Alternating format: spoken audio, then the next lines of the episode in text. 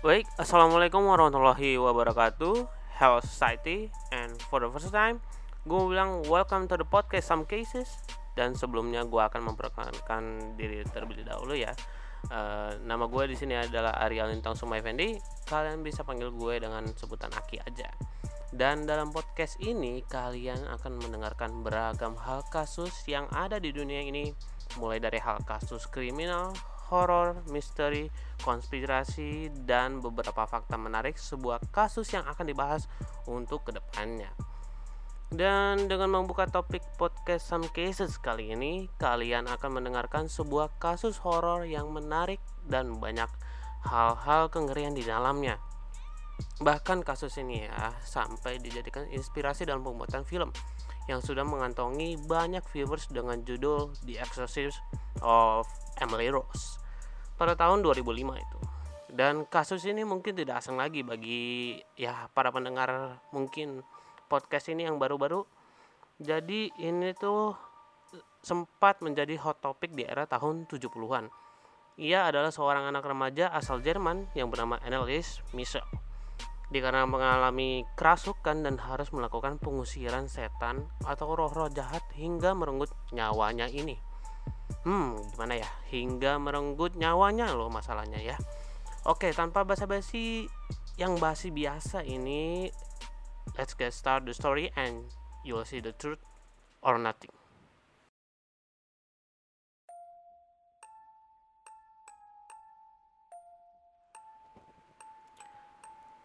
Annelies Michel lahir di Leving, Jerman pada tahun 1952 tanggal 21 September.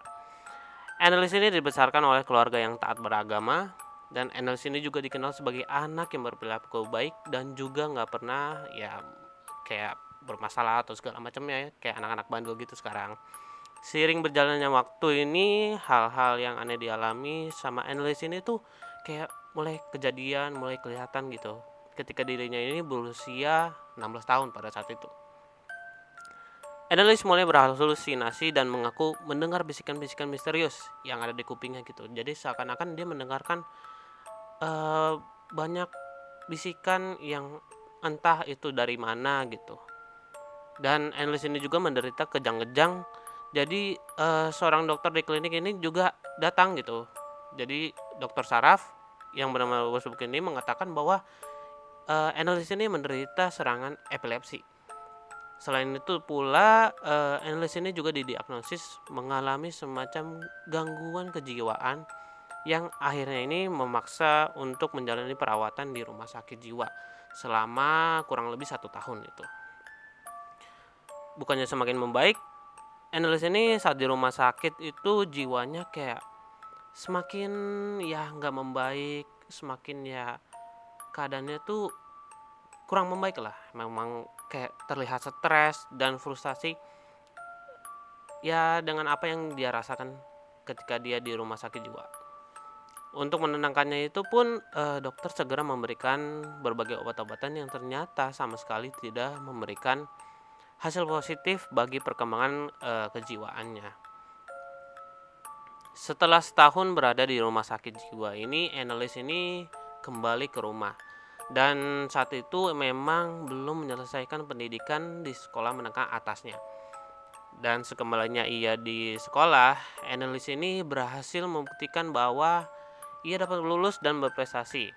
Dan ia juga bahkan menjadi siswa dengan predikat lulusan terbaik di sekolahnya tahun 1970. E, namun saat itu meskipun sakit yang ia derita kadang-kadang masih sering kambuh atau kayak kadang-kadang dia masih merasakan apa-apa hal yang eh, dianggapnya aneh mungkin sama analis ini dan juga keluarganya. Maka dia juga uh, mulai bertindak di luar akal sehat. Kayak makin kelamaan tuh kayak ya aneh aja gitu. Keluarga yang diderita juga jatuhnya juga kayak bingung analis ini kenapa? gitu. Ada apa dengan sebenarnya yang terjadi dengan analis ini uh, ini juga kayak mulai melukai dirinya sendiri terus menyerang anggota keluarga lainnya terus merobek-robek pakaiannya sendiri memakan lalat terus juga laba-laba. Ini tuh sangat di luar nalar seorang ya analis gitu. Dia mengalami kayak gini tuh kayak secara nggak sadar gitu. Dan keluarganya pun yang ya melihatnya juga menangis sedih dan banyak ya penyesalan. Kenapa analis ini kenapa bisa sampai kayak gini? Apa yang kayak sebenarnya udah diperbuat sama keluarganya? Kenapa ya analis bisa sampai saat kayak gini gitu keadaannya? Lebih parah jadinya. Dan analis ini juga terkadang menggonggong layaknya seekor anjing. Jadi kayak mungkin kayak dia kesurupan atau kerasukan anjing mungkin atau ya semacamnya kayak gitu dengan makhluk-makhluk yang aneh. Tapi uh, keluarga pun belum berspe berspekulasi kalau analis ini ter, ya kerasukan atau semacamnya kayak gitu. Dengan kondisi yang terlihat saat ini uh, orang tua analis pun semakin khawatir dan sedih akibat kondisi putrinya yang semakin tertekan ini. Berbagai upaya telah dilakukan namun tak membuahkan hasil dan bertahun-tahun analis ini mengalami hal-hal yang ya kurang di luar nagra. Jadinya orang tuanya akhirnya meminta bantuan ke pemuka agama setempat untuk bersedia melakukan kegiatan pengusiran setan atau exorcism pada analis. Akhirnya pada tahun 1975, seorang uskup yang bernama Joseph Stengel memerintah pastor Arnold Renz dan pendeta Ernst Stolt uh, dia ini untuk melakukan kegiatan pengusiran setan atau roh-roh jahat. Dan proses ini itu dimulai pada tanggal 24 September tahun 1975 dengan waktu satu atau dua kali seminggu setiap sesi berlangsung hingga 4 jam lamanya. Gila gak sih? Kalian ngebayangin kayak uh, pengusiran itu tuh dalam sekali ya kurang lebih 4 jam wow gitu betapa capeknya mungkin analis mengalami hal-hal kayak gini. Kayak di luar nalar manusia yang kayak ya gak bisa kita pikirkan gitu kenapa bisa kayak gini gitu kan. Terus juga uh, analis ini kayak mulai meracau tentang kematiannya dan juga mulai menolak semua makanan yang dimasuki gitu. Jadi kayak uh, orang tuanya udah ngasih makanan minuman segala macam itu tuh nolak gitu. Jadi kayak semakin analis ini keadaannya tuh semakin parah semakin parah gitu.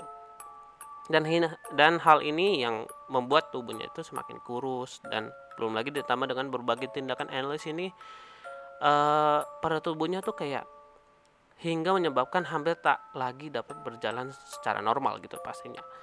Sialnya sialnya nih bagi analis nih berbagai tindakan yang dilakukan nih demi kesembuhan analis ini juga uh, ya orangnya orang tua pun kayak langsung bingung tanpa konsultasi pada pihak medis. Jadi kayak yang di kemudian hari itu menyebabkan masalah pidana karena ditakutkan untuk pihak rumah sakit itu ada hal-hal yang aneh atau kayak gimana gitu jadinya. Dan setelah melakukan berbagai ritual pengusiran setan sebanyak 67 sesi yaitu selama hampir kurang lebih satu tahun itu gila gak sih? Kalian bayangin. Kalian dalam satu hari itu tuh melakukan pengusiran setan selama 4 jam. Dan itu dilakukan dalam satu tahun penuh. Dan itu sebanyak 67 sesi. Dan pada tanggal 1 Juli 1976 ini analis mengembuskan nafas terakhirnya. Hasil otopsi menunjukkan gadis ini menderita gizi buruk dan juga dehidrasi yang sangat parah. Karena ya pasti uh, dari tindakannya yang menolak makanan atau minuman yang untuk bisa dikonsumsi sama si analis itu gak bisa. Karena mungkin ada roh-roh jahat yang benar-benar ya memperba memperburuk dan memperparah uh, kondisi analis ini. Uh, jadinya uh, berat badannya tuh ketika meninggal dunia hanya 31 kg kalian bayangin aja 31 kg dengan usia yang 16 tahun kurus parah dan ya ya kalian pasti bisa imajinasikan ya.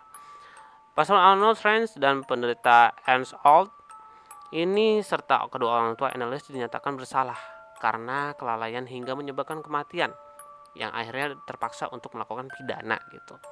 Mereka mendapatkan hukuman penjara 6 bulan dan 3 tahun masa percobaan. Kalian bayangin gak sih? Kayak uh, karena penolakan dari pihak medis atau rumah sakit untuk dirawat analis tuh jadinya orang tua yang salah. Karena mungkin ya pilihan orang tua juga uh, bingung saat itu keadaan analis seperti ini kayak nggak bisa memungkinkan untuk uh, bantuan medis atau segala macamnya. Karena ya pastinya sudah uh, memikirkan bantuan dari para uskup untuk bisa uh, mengatasi segala macam hal tentang pengusiran roh-roh jahat ini yang masuk ke dalam tubuhnya analis. Um, sudah dipidana meskipun begitu uh, seorang pengacara yang membela mereka ini menyatakan bahwa apa yang dilakukan dua pendeta dan orang tua analis ini melakukan upaya pengusiran setan adalah untuk penyembuhan analis sebenarnya. Ya pastinya sih. Dan kembali lagi ke kasus ini yang sebenarnya dipertanyakan adalah apa sih yang sebenarnya terjadi sama analis ini. Mungkin banyak yang mengira bahwa apa yang terjadi pada analis ini adalah kerasukan biasa gitu. Jadi kayak ya semacam kayak ya kayak di Indonesia ya kalian tahu sendiri kan kayak mungkin kerasukannya cuma kayak gitu atau segala macam hal ada yang mengirim atau gimana mungkin setelah beberapa ini ya udah sembuh atau gimana ya cuman ya ada beberapa kasus yang memang berbeda. Nah layaknya analis ini. Dan sebenarnya ini apa yang membuat gadis ini memiliki kepribadian baik dan religius ini bisa kerasukan sangat parah seperti itu? Dan kayak penyebabnya itu apa ya? Uh, dari dari sumber The Washington Post analis ini ternyata mengaku melihat sosok setan pada diri setiap orang yang dilihatnya yang membuatnya itu sering kali histeris hingga lama kelamaan seperti orang yang ya kegilaan gitu, kayak stres gitu. Pada suatu ketika sesi pengusir setan ini, Annelies pernah mengaku pada para pendeta bahwa ia dirasuki oleh roh-roh Judas Iscariot, Nero, Cain, Adolf Hitler, dan Fleischmann. Dan yang paling kuat ini adalah kalian pasti tahu Lucifer itu sangat udah kayak mungkin roh-roh jahat yang udah di ya anggap kita kayak udah tingkat dewa gitu. Maksudnya udah paling tinggi gitu dibandingkan roh-roh jahat yang lainnya gitu. Kayak kayak wah ini ini kayak it's dangerous gitu. Kayak terlalu bahaya gitu. Dan ini sih yang ngebuat fisik dan psikologis dari analis semakin gak sehat dan pastinya melemah. Dan berikutnya ini adalah uh, beberapa rekaman audio yang kalian bisa dengarkan yang terekam saat analis ini sedang melakukan pengusiran roh-roh jahat. Berikut rekamannya.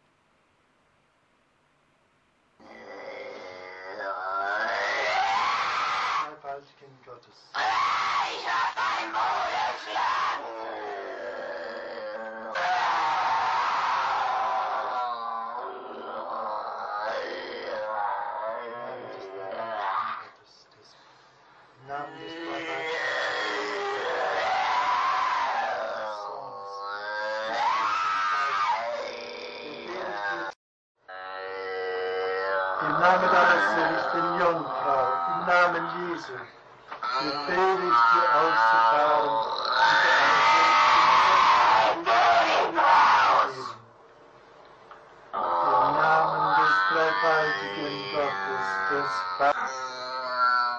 Im Namen des dreifaltigen Geistes, ich dir auszufahren und Oke, okay, gimana menurut kalian?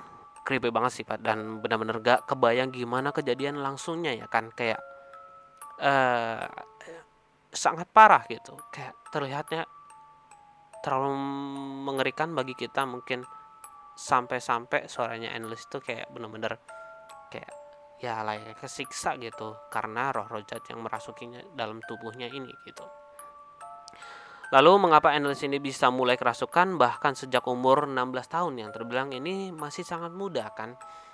Dari satu dari uh, salah satu sumber menyebutkan bahwa hal ini berawal dari ibu Endless sendiri. Kok kenapa gitu ya? Jadi beberapa tahun sebelumnya kelahiran Endless ini, ibunya itu ternyata melahirkan seorang anak bernama Martha dari hasil hubungan yang gelap. Ibunya ini yang memaksa Annelies kecil untuk melakukan penebus dosa atas apa yang pernah dilakukan ibunya.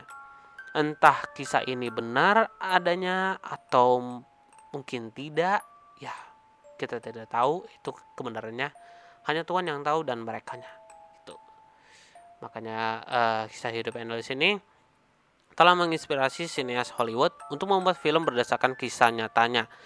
Salah satunya adalah film yang berjudul dengan The Exorcism of Emily Rose yang rilis pada tahun 2005 yang ya memiliki banyak viewers pastinya. Karena film ini sangat luar biasa menurut saya juga. Kayak wow gitu. Dan kalian pasti uh, bagi kalian yang sudah menonton pasti sependapat dengan saya dan bagi yang belum nonton kalian bisa nonton juga di filmnya The Exorcism of Emily Rose yang filmnya ini terinspirasi dari kasus kerasukannya tubuh Annalise Michelle.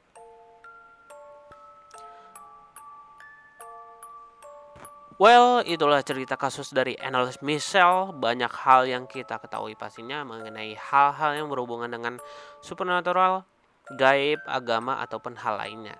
Dan ini bisa menjadi pembelajaran bagi kita semua bahwa kayak ya masih banyak hal di dunia ini yang tidak bisa kita tebak dan harus menjaga perlakuan kita kepada apa pun yang kita hadapi dan bersiap untuk selalu bertanggung jawab dalam konsekuensi apa pun yang akan kita jalani pastinya.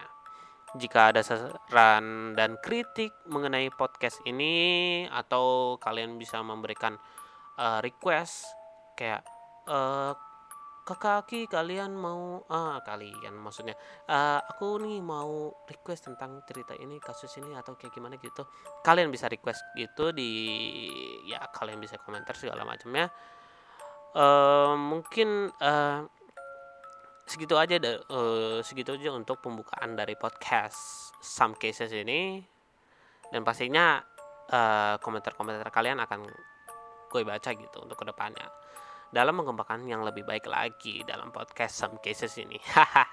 Pastinya sih. Uh, gue Ariel Lintang Suma Effendi, pamit undur diri, and for society, have a good day, and peace out.